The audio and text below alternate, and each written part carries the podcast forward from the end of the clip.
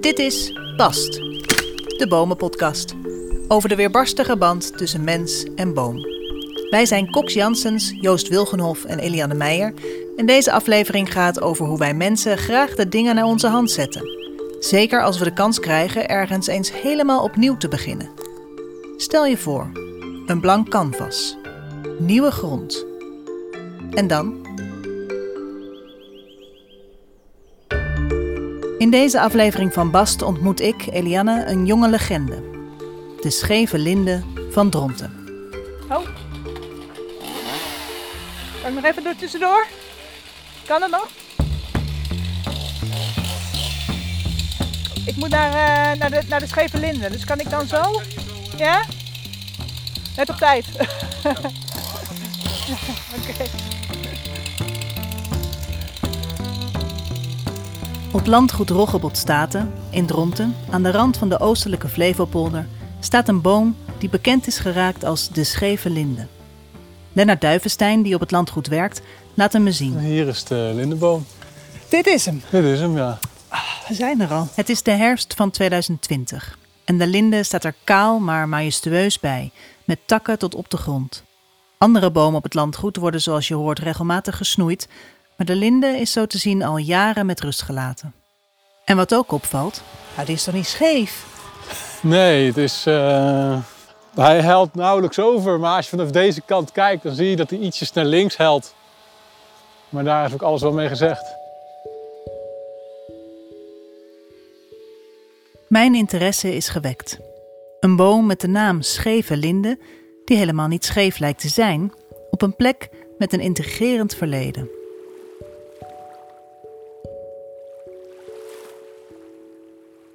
Deze lindeboom kan niet ouder zijn dan een jaar of zestig.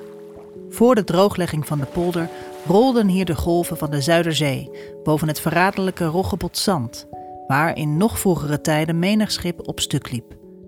In de jaren 60 verrees op deze plek aan de rand van de Flevopolder een keurig bos van rijen en rijen jonge boompjes. Boomkwekerij Roggebot Zand was de kraamkamer van alle bomen in heel Flevoland. Miljoenen zijn het er geweest.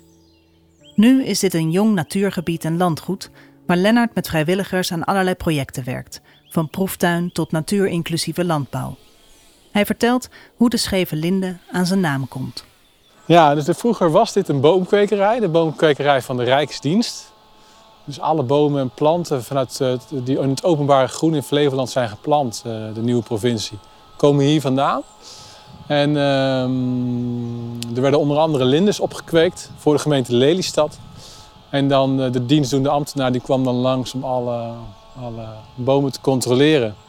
En toen zei hij bij deze, nou deze willen we niet hebben, want deze die, die groeit, groeit dus een beetje scheef. En wij willen in Lelystad alleen maar hele strakke rechte bomen hebben. En zelfs een klein beetje scheef was al, uh, was al niet goed. Dus deze is toen blijven staan en uh, is vorig jaar uitverkoren tot de mooiste boom van Flevoland. En ze hebben hem dus niet weggegooid? Nee, de boomkwekerij heeft hem laten staan. Ja. Ja. ja juist omdat dit verhaal eraan vast zat. En, uh, ze dachten meteen, oh, dat wordt een mooi verhaal voor Ja, later. waarschijnlijk, ja. Te scheef voor Lelystad. De stad van de toekomst zoals men die in de jaren 50 voor ogen had. Ontworpen op de tekentafel, kroon op de polder. Dit is het verhaal van een boom die symbool is komen te staan voor die maakbaarheidsgedachte. Op dat nieuwe land, dat met een liniaal werd verdeeld in kaarsrechte kavels waar boerderijen kwamen gericht op productie en efficiëntie, was geen plek voor krommigheid. En dus ook niet, zo gaat het verhaal, voor een scheve linde. Maar was het echt zo erg, met die rechtlijnigheid? En hoe past de natuur eigenlijk in dat plaatje? Lennart Duivenstein, die als kind naar Flevoland verhuisde, heeft er een duidelijke mening over. Je komt uit Nijkerk, zei je? Ja, ik kom uit Nijkerk. Ja, het oude land niet heel lang gewoond wordt, op mijn bijna mijn zevende ongeveer. Toen zijn we hierheen gegaan en toen, uh, ja... Misschien lag het ook uit de buurt waar ik daar kwam. Het was een hele leuke kinderbuurt en alles gebeurde altijd van alles. En hier kwam ik gewoon in een nieuwe woonwijk waar alles nog open lag. En ja, dat was wel heel erg saai, vond ik, ja. En alles strak en recht en ja, recht. Het, het oogt al gauw saai. Het is alleen wel heel praktisch. Dus uh, Hoe hebben de mensen die eh, deze omgeving hebben bedacht, gedacht? Nou, precies zo. Het is, moet allemaal heel praktisch zijn. Ja. Zodat we zoveel mogelijk produceren en dat het allemaal heel efficiënt is. Maar dat is niet waar wij voor leven, denk ik. En praktisch is een een bijkomend voordeel bij heel veel dingen, maar dat is niet, niet de essentie. En ik denk dat hier de essentie in eerste instantie een beetje gemist is. En dat, we, en dat die langzamerhand door mensen en de cultuur wordt ontwikkeld.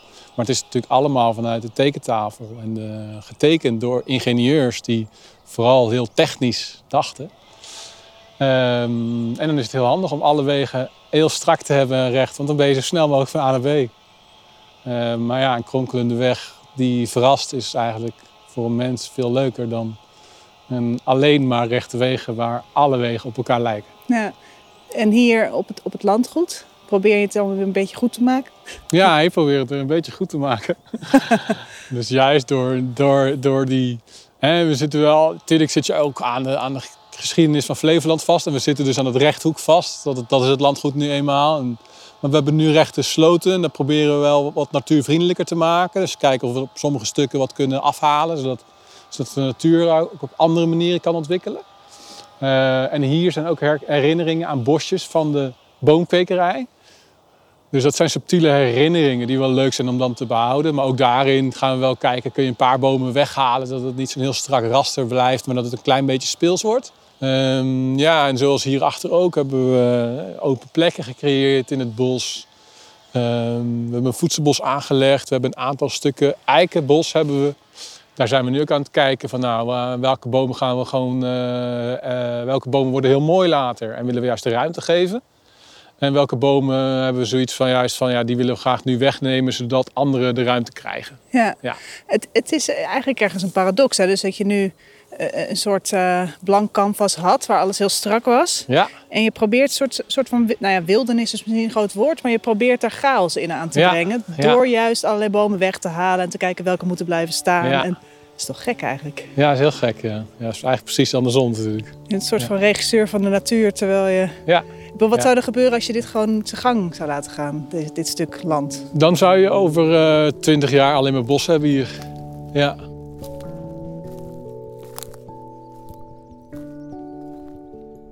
In de begindagen van de polder, de jaren 60, was alles inderdaad tot in de puntjes uitgedacht. De strenge rijksdienst zwaaide de scepter over het nog lege land. Kijk hoor, waar gaan we heen? Het bruggetje over of hier het pad Ja, we af? kunnen hier, als we hier naar rechts gaan en dan weer links, dat is wel een mooi stukje, vind ik zelf. Historicus Eva Vriend schreef er een boek over. Het Nieuwe Land getiteld. We hebben afgesproken vlakbij haar huis in het eerste recreatiebos van de polder. Het Kuinderbos. Ja, nou, we lopen op de rand van de Noordoostpolder, dus op de grens van Noordelijk Flevoland en Friesland. En dit is eigenlijk de bodem van de Zuiderzee, dus hier is allemaal polderland drooggelegd, agrarisch land. Maar aan deze rand was de grond niet zo goed. Hebben ze een bos aangelegd. En dat gebruikten ze tegelijkertijd een beetje, heb ik mij eh, laten vertellen, om te kijken welke bomen goed groeiden op de bodem van de zee. Een soort experimenteel Ja, welke bos. soorten doen het goed? En rond die boerderijen in de polder zijn allemaal singels aangelegd om ze tegen de wind te beschermen. En daar moesten ze natuurlijk bomen voor planten. Dus dan konden ze hier een beetje kijken wat er werkte. Dus dit bos is rond 1950 aangelegd. Dus dat is ongeveer 70 jaar oud. En het is het bos van mijn jeugd. Hier gingen wij eh, in mijn kinderjaren. Was dit het uitje op zondagmiddag? Want je woont hier om de hoek, hè? In Ja, ja, ja, mijn vader heeft hier een paar kilometer vandaan eh, heeft hij, had hij zijn veehouderijbedrijf. Ja, dus eh, ik woonde hier vlakbij. Ja. En, en hoe heb jij als boerendochter hier de natuur beleefd? Hier in de polder? Oh, ik denk dat ik als kind. Ehm, nou, toen zei ik dat niet zo, maar ik voelde dat toen wel zo. Ik had een beetje een hekel aan de natuur. Want ik moest altijd fietsen en ik moest altijd tegen de wind in fietsen, voor mijn gevoel. Ehm, tegelijkertijd, en ook daar was ik me als kind minder bewust van, was dat leven op de boerderij natuurlijk fantastisch. Want wij speelden altijd buiten en we bouwden hutten en we hadden dan een soort klein ja, die singel rond de boerderij heen. Er was er nog een driehoekje, zo noemde mijn vader dat. Er stonden ook bomen en dan maakt dan een soort crosspad. Zoveel ruimte en vrijheid. Dus het is een beetje tweeledig, denk ik. Ik kom natuurlijk bij jou omdat ik met die scheve linden bezig ben. Ja, Eh, en omdat dat woordje scheef me integreert. ja. Waar staat zo'n verhaal voor wat jou betreft? Ja, de ondertitel van mijn boek is het verhaal van een polder die perfect moest zijn. Dus als je nadenkt over de polder, is er heel erg nagedacht vanuit een, vanuit een ideaalbeeld. Dus het landschap moest eh, voldoen aan de hoogste standaard. De sloten werden zodanig afgegraven dat de akkers er het beste bij lagen. Eh, de dorpen werden zodanig aangelegd dat je een kwartiertje moest fietsen als je bij een dorp wilde zijn. Dus eigenlijk over alles werd, werd nagedacht. En nou ja, dat gold dus ook voor, voor de mensen die hier kwamen wonen. Dat, hè, er waren bijvoorbeeld geen eh, gehandicapten in de beginjaren in de polder. Want eh, dat heb ik, hè, ik heb alle beoordelingsformulieren, of niet alle, ik heb beoordelingsformulieren gezien die de selectieambtenaren invulden. En er stond ja, kind met misgroeiing. Dus die waren niet welkom. Dan was het meteen, eh, Ja, dan- nee, ja, die dan- komt er niet in. Nee, precies. En dus, dus hebben bijvoorbeeld ehm eh, doven, blinden, mensen met suikerziekte. eh, dat waren allemaal eh, redenen voor afwijzing. Er stond dan, ik heb ook een beoordelingsformulier dat, er, dat het, de kinderen heel erg druk waren en het een heel onrustig gezin was. Dus dat, dat constateerde die selectieambtenaar dan. En daaruit concludeerde hij dan van nou, deze mensen hebben hun huishouden niet op orde. En eh, dat werd heel belangrijk geacht, dat het, dat het burgers waren die de boel op orde hadden. Want er moest hier in de polder nog een samenleving worden opgebouwd. Dus dan moest je het thuis wel op orde hebben. Ja. En dan- He- heeft jou dat gechoqueerd dat het zo ging? nou, dat het zo ver ging. ehm, nou, dat is natuurlijk wat wat ik met mijn onderzoek heb gedaan. Maar ik, ik, ik wist het wel, maar ik wist niet wat het precies betekende en wat het ook voor mensen betekent. Dus dat wilde ik heel graag uitzoeken. Eh, ik had het nooit zo ver doorgedacht, maar in die beginjaren, dus in de jaren 50 en 60, was hier een samenleving met allemaal mensen, nou, laten we zeggen tussen de 20 en de 60. Want je mocht, nou, er waren natuurlijk ook wel kinderen, maar de, de volwassenen die hier waren, zaten allemaal in hun vitale leeftijd. Dus er waren geen bejaarden. Dus er waren geen oude kromme vrouwtjes op straat die niet meer zo eh, goed ter been waren. Want, want die waren er gewoon niet. Iedereen liep recht. Ja, precies. Ja. Ja. Dus eh, er werden heel veel kinderen geboren. Het was een hele jonge, vitale samenleving. Dus alles, nou ja, wat ik zei, het was het een polder die perfect moest zijn. Dus daarbinnen past een scheve boom die afwijkt en die niet helemaal nou ja, doet aan, voldoet aan het plaatje zoals je denkt dat een boom eruit hoort te zien, maar hij groeit een beetje scheef. Ja, dat is inderdaad, past wel ja, in de lijn van dat verhaal.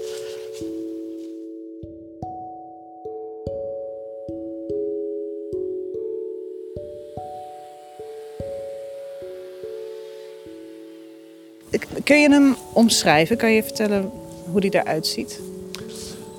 Ja, het is een hele eh, enorm vertakt.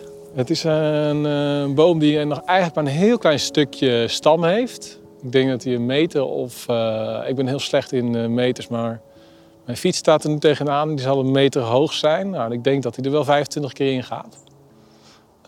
Minimaal. En hij is breed, eh, ik denk wel aan beide kanten meter of acht. eh, dat de, de takken uitsteken. En eigenlijk heeft hij geen hele duidelijke zijtakken, maar heeft hij heel veel verschillende vertakkingen tot helemaal bovenaan. En die vertakkingen hebben ook allemaal vertakkingen weer. Dus het is ook wel eh, daarom, ook mede daarom, is hij zo enorm mooi, ook als hij in de bloei staat. En eh, dan, dan door alle bladeren die er dan aan gaan hangen, dan gaan de takken helemaal hangen. Nu, nu hangen de takken ongeveer een half, half tot een meter boven de grond. Maar op het moment dat alle bladeren aan hangen, dan, dan zakken de takken naar beneden en dan, dan sluit hij zichzelf helemaal. Dan kan je daar helemaal onder zitten, je- onder de rokken van, Ja, ja. van de boom. Ja. En daar hebben we een, eh, om die reden ook een, schommel eh, op gemaakt. En dat is ook wel, de linde is ook wel eh, daar een hele mooie boom voor. Het wordt ook eh, een moederboom genoemd. Omdat het zoveel eh, nectar geeft en, en ook voor bijen een enorm belangrijke boom is. Maar ook vanuit de, de middeleeuwen wel gezien wordt als de boom van liefde. Ehm, dus dan is het juist mooi omdat het een hele knusse plek daarin heeft. En wat eigenlijk nooit gebeurt bij bomen, zeker niet bij dit soort lindes, is dus dat die vertakkingen de ruimte krijgen. Ehm, dus hij is eigenlijk nooit beheerd. Hij is, er zijn nooit takken uitgehaald, zodat, zodat, zodat je een paar di- dikke takken krijgt. Dus, dus zo, staan, zo zullen we hem niet in Lelystad terugvinden? Nee, zo zou je hem zeker niet in Lelystad terugvinden.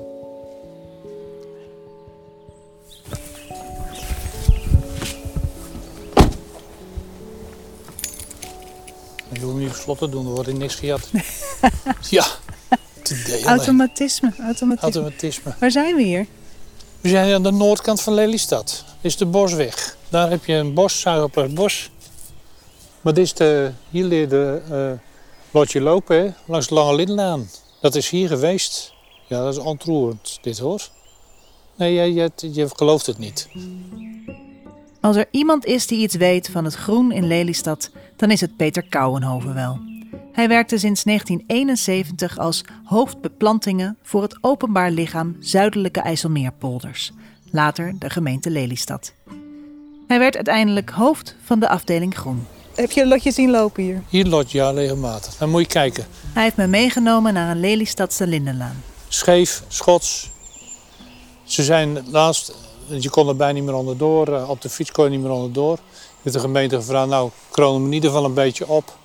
Maar de buitenkant kan je gewoon laten hangen. Nou, en als je het van de zomer zag, nou, je kunt hem een beetje zien, helemaal bebladerd en groen. En dat je hier helemaal overhuift. Ah, prachtig, jongen. Prachtige bomen. En wanneer zijn deze aangeplant? Ja, ik, ik schat in de 70 jaren. Dus, dus het zou kunnen dat de scheve linde, als hij niet scheef was geacht, te scheef, dan had, Had hij hij hier, hier tussen, misschien- tussen ja. kunnen staan. Ja. In de loop der jaren heeft Kouwenhoven gezien dat je misschien wel met goede moed recht kunt beginnen in je groenontwerp, maar onder invloed van de elementen ben je al gauw de controle kwijt. Zo laat hij vlak bij de linde een rijtje platanen zien die ooit aan de rand van Lelystad stonden, vol in de altijd waaiende zuidwestenwind. Ja, en dit zijn die platanen. Ja, je kan het van verder af kan je het beter zien als van zo dichtbij. Even kijken, welke kanten hellen ze op? Deze kant. Ze komen naar de weg toe, hè? Ja. Nou, je kunt het hier wel zien. Als je op een afstand kijkt, staan ze allemaal scheef. Die waren natuurlijk al gebeld. Ik denk, wat kan ik nou mooi dat scheve laten zien? Hè? Want in het bos valt het nauwelijks meer op. Maar het is, het is, eh, ja, het is grappig hè, dat, dat ze zo hun best hebben gedaan om het Ja, zo recht mogelijk te krijgen. ja. En dat de wind gewoon die bomen In sowieso ja. in een hoek van, nou wat zal het zijn, 30 graden ja, zeker, 30 graden, ja. heeft gezet. Ja. Ja. Maar er is niks makkelijker als recht. Als recht het uitgangspunt is. Daar heb je palen benodigd en weet ik het wat, die hebben we wel benodigd. Maar dat is overzichtelijk en iedereen vindt het mooi en weet ik het wat. Maar het is veel aardiger om, dat laantje vind ik leuker geworden, omdat die bomen scheef staan, als dat ze allemaal met palen recht gehouden waren. Maar dat, dat is heel persoonlijk hoor. Ik vind ze ook wel karakter hebben zo. Ja. Het zijn de prachtige bomen man. En dat, eh, dat verhaal over die scheve linde, hè? Dat verhaal over die scheve linde. Ja, Die ambtenaar die zei, dit is te, deze is te scheef. ja. Zou dat echt zo zijn gegaan? Nou, ik kan me heel leuk voorstellen, ja. ja. Wij kochten heel veel van kwekers, of heel veel, maar van ke- kwekers regelmatig BNC-keus. hè. Er was de top eraf gebroken of een dubbele top of weet ik wat. Normaal in de fik en we kregen het bijna voor niks. Maar goed, we planten er gewoon maar tussen. Dat kost een kwartje toen de tijd of zo, of misschien twee kwartjes. Maar dat, dat is eigenlijk het tegenovergestelde van het moet allemaal recht. Ja, maar het stedelijk ontwerp was wel kaars en kaars eh, recht. Ja. Ja. Maar de- als we dan naar de, naar de lindes kijken die dus in Lelystad zijn aangeplant, zijn die dan van oorsprong in ieder geval zo recht mogelijk Nou, geweest? dat denk ik wel, ja. Dat denk ik wel. Dat is dus een hele andere ambtenaar geweest dan, eh, ja, ja, dan jij. Ja, zo is het. Ja, zo is het. Maar Ja. zou vast ook een hele aardige man of een aardige vrouw geweest zijn hoor. maar ik had daar niks, eh, ik had er niks mee. Ja, waren er dan twee stromen in, eh, in Lelystad? Nee, maar op een gegeven moment waren wij degene die de wijk ontwikkelden. Hè? En niet meer de reisdienst. Wij zijn in 1980 gemeente geworden. En vanaf die tijd deed de gemeente het zelf. Ja, we hadden andere ideeën over. Ik weet nog goed dat eh, de gemeenteraad, die heet toen adviesraad, want we waren geen gemeente nog in het begin, die wilde bijvoorbeeld een, een uh, distelverordening.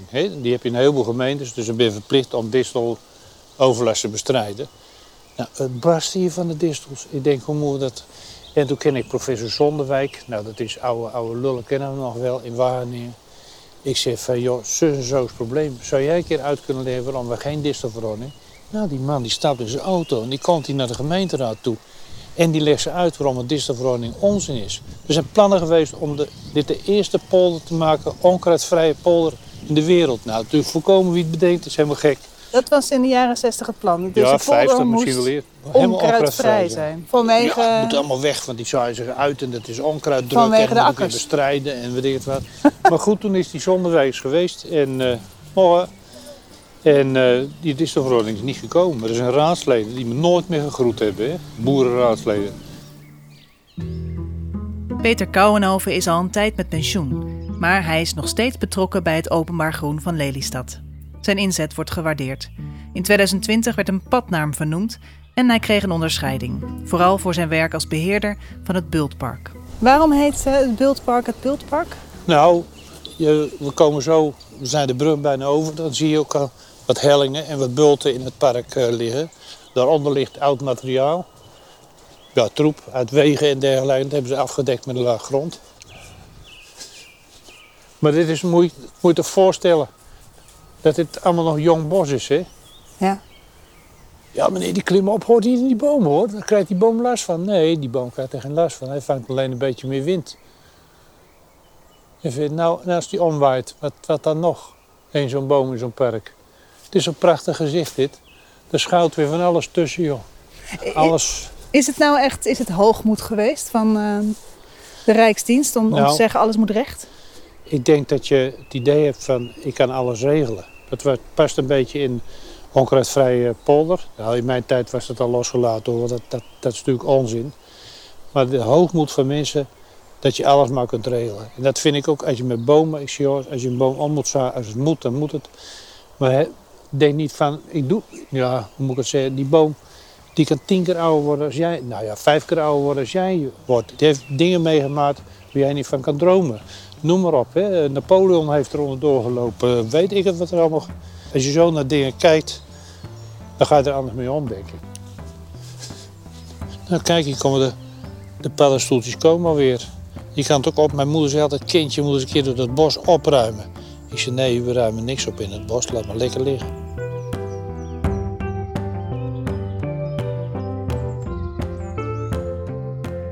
Een onkruidvrije polder is Flevoland zeker niet geworden. Mede dankzij Peter Kouwenhoven en dankzij alle andere mensen die er in de loop der jaren zijn komen wonen.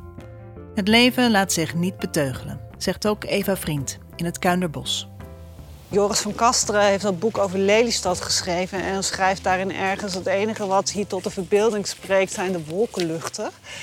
Ah, dat weet ik niet of dat zo is. Ik snap, ik snap dat hij dat zo heeft ervaren, maar ik weet niet of ik daar nou dat, helemaal in meega. dat boek heeft ook behoorlijk wat losgemaakt natuurlijk. Ja, zeker. Ja, nee, dat is ook lang niet iedere Lelystedeling herkent zich daarin. Ja. Ehm, en ik vind het ook.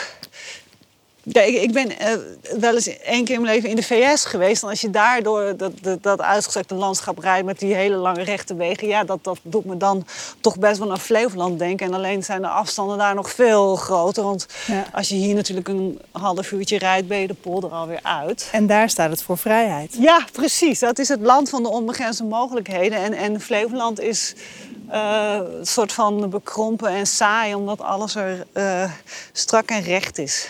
En dat klopt dus niet. Ik geloof dat ik daar niet aan wil, nee. Alhoewel ik ook niet eh, me de ambassadeur van Flevoland voel, hoor. Maar eh, het is toch een gemeenplaats. Die is, ja, nee, ik denk dat dat te veel een gemeenplaats is. Dat het gewoon genuanceerder is. Nou ja, had het anders gekund, is misschien de vraag. Ik bedoel, het is een, de maakbaarheidsgedachte die dit allemaal heeft, Ja, eh, tot stand gebracht heeft. Dus- tuurlijk, ja. Dus wat, wat had het, hoe had het anders gekund? Je hebt een leeg land en dan? Ja, en met heel veel belastinggeld aangelegd. Dus ze hebben dat, ehm, dat is eh, terecht dat je dat zegt. Je moet het heel erg in de tijd plaatsen. Het waren de eh, de wederopbouwjaren na de Tweede Wereldoorlog. Ze wilden het zo goed mogelijk doen. Ze wilden het geld goed uitgeven. En ze hebben het ook gedaan vanuit het idee dat ze die mensen tegen zichzelf in bescherming wilden nemen. Die selectie. Als we iedereen hier zomaar toelaten, dat is ook ja, dan is dat ook gewoon heel erg zwaar voor die mensen. We moeten ze dat niet aan willen doen. Je moet wel iemand hier laten wonen die dat tegen kan. Mensen accepteerden die selectie ook. Ehm, en dachten zelf ook van ja, dit is een manier om, om, om dat land uh, in te richten. En om ervoor te zorgen dat, uh, dat, ja, dat dat vlakke land ook echt een samenleving gaat worden. Ja, ja. Is dat gelukt? Ja, ik denk het wel, ja omdat er nu gewoon een samenleving is ontstaan die niet perfect is omdat die namelijk gewoon mensen wonen en die hun leven leiden. En dan kom je natuurlijk altijd snel genoeg achter dat er altijd dingen gebeuren die je niet had gepland. Zoals er altijd dingen gebeuren die je niet had gepland, omdat het net even anders loopt. En dat gebeurt met de samenleving natuurlijk ook.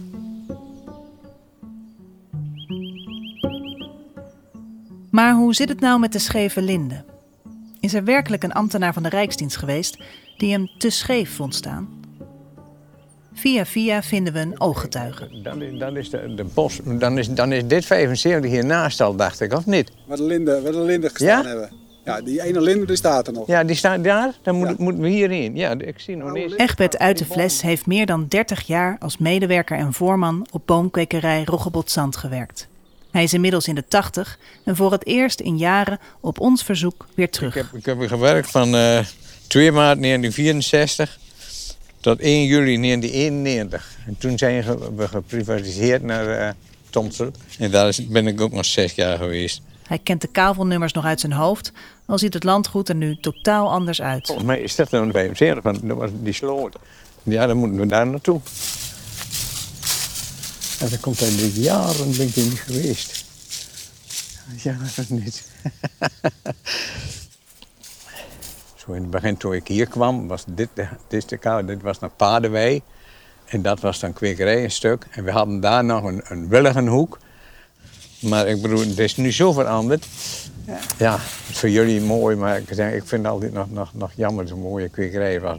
De grootste aaneengesloten kwekerij van eh, West-Europa was het. Ja, en, en hoeveel bomen heeft u door uw handen gehad? Oeh, miljoen, misschien miljarden.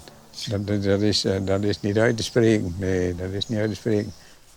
Meneer uit de Fles kent de scheve linde goed. Hij heeft hem zien opgroeien.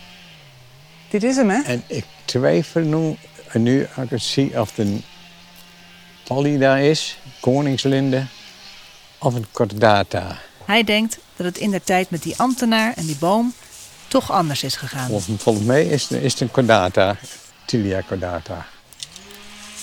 De linde die hier nu staat, een enorme boom, die is blijven staan in de kuil. De opzichter die, die, die, die had er in plaats van een 199 nodig. En zodoende, zodoende is, is, dat deze, is deze boom blijven staan. De scheve linde is als jong boompje dus waarschijnlijk niet afgekeurd omdat hij scheef was, maar gewoon achtergebleven, omdat hij niet nodig was. Ja, de andere jaren is er nooit aan gedacht, dus die, die boom is gewoon blijven staan. Ambtenaren, zegt meneer uit de Fles, kregen de werkelijk scheve boompjes helemaal niet te zien. Daarvoor was de selectie die hij en zijn mannen deden te streng. Dat is toch ergens jammer, hè? Soms is de waarheid minder romantisch dan het beeld dat je hebt hè, van zo'n verhaal. Ja, ja ik kan er maar ik kan er ook niet anders van maken. eigenlijk. Nee, nee. Dus eh, ja, het valt u tegen of niet? Ah, Nee, het valt mij helemaal niet tegen. Ik vind het ergens, denk ik, ik, ik had het niet, eh, ik had niet eh, uit moeten gaan zoeken. Want het verhaal is veel mooier als het, als het een mythe was gebleven. Nee, ik heb Eva Vriend gesproken. Ik weet niet Ah. of je haar kent. Ja, is ook wel eens geweest hier, ja. Zij zei ook niet checken. Niet verder checken hoor. Nee, niet doen. Maar zij zei, eh, zo'n jonge, zo'n jong land eigenlijk als de Flevopolder, die, die heeft behoefte aan verhalen. Weet je, wel? Ja. die heeft behoefte aan mythes en legendes. En ehm, Ja. dat willen we ook graag, Ja, denk ik. Hè? ja, zeker. Dus Ja, het, tuurlijk. het verhaal gaat ook niet stuk, denk ik. Nee.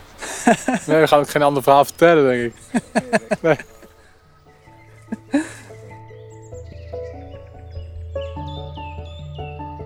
Verliest het nieuwe land nu een mythe? Dat mag je zelf beoordelen. Maar wat mij bijblijft is dat juist de linde die overbleef, afgekeurd werd of gewoon vergeten, Dat juist dat boompje 60 jaar later misschien wel de mooiste boom van Flevoland is geworden. Dat moet toch wat betekenen. Dit is, is het mooiste wat ik misschien ooit gezien heb van alle bomen die ik eh, in de handen gehad heb. Dat, dat ze zo mooi ontwikkelen. Als je er niks aan doet, kun je zien hoe mooi het wordt.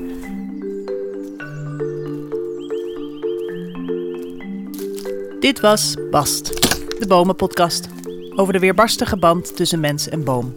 Deze aflevering is gemaakt door mij, Eliane Meijer. Eindredactie door Cox Janssens en Joost Wilgenhoff. Muziek van Podington Bear en Blue Dot Sessions en eindmix door Arno Peters. Heel veel dank aan Lennart Duivenstein, Eva Vriend, Peter Kouwenhoven en Egbert uit de Fles. Dank voor jullie verhaal. En luisteraar, als je geïnteresseerd bent in meer bomenverhalen, ga dan naar bastdebomenpodcast.nl en abonneer je op onze nieuwsbrief. Of abonneer je via je favoriete podcast-app. Dan houden we jullie op de hoogte van nieuwe afleveringen. En als je zelf een mooi bomenverhaal hebt, laat het ons weten via de website. We zijn heel benieuwd naar jullie eigen verhalen. Tot de volgende Bast.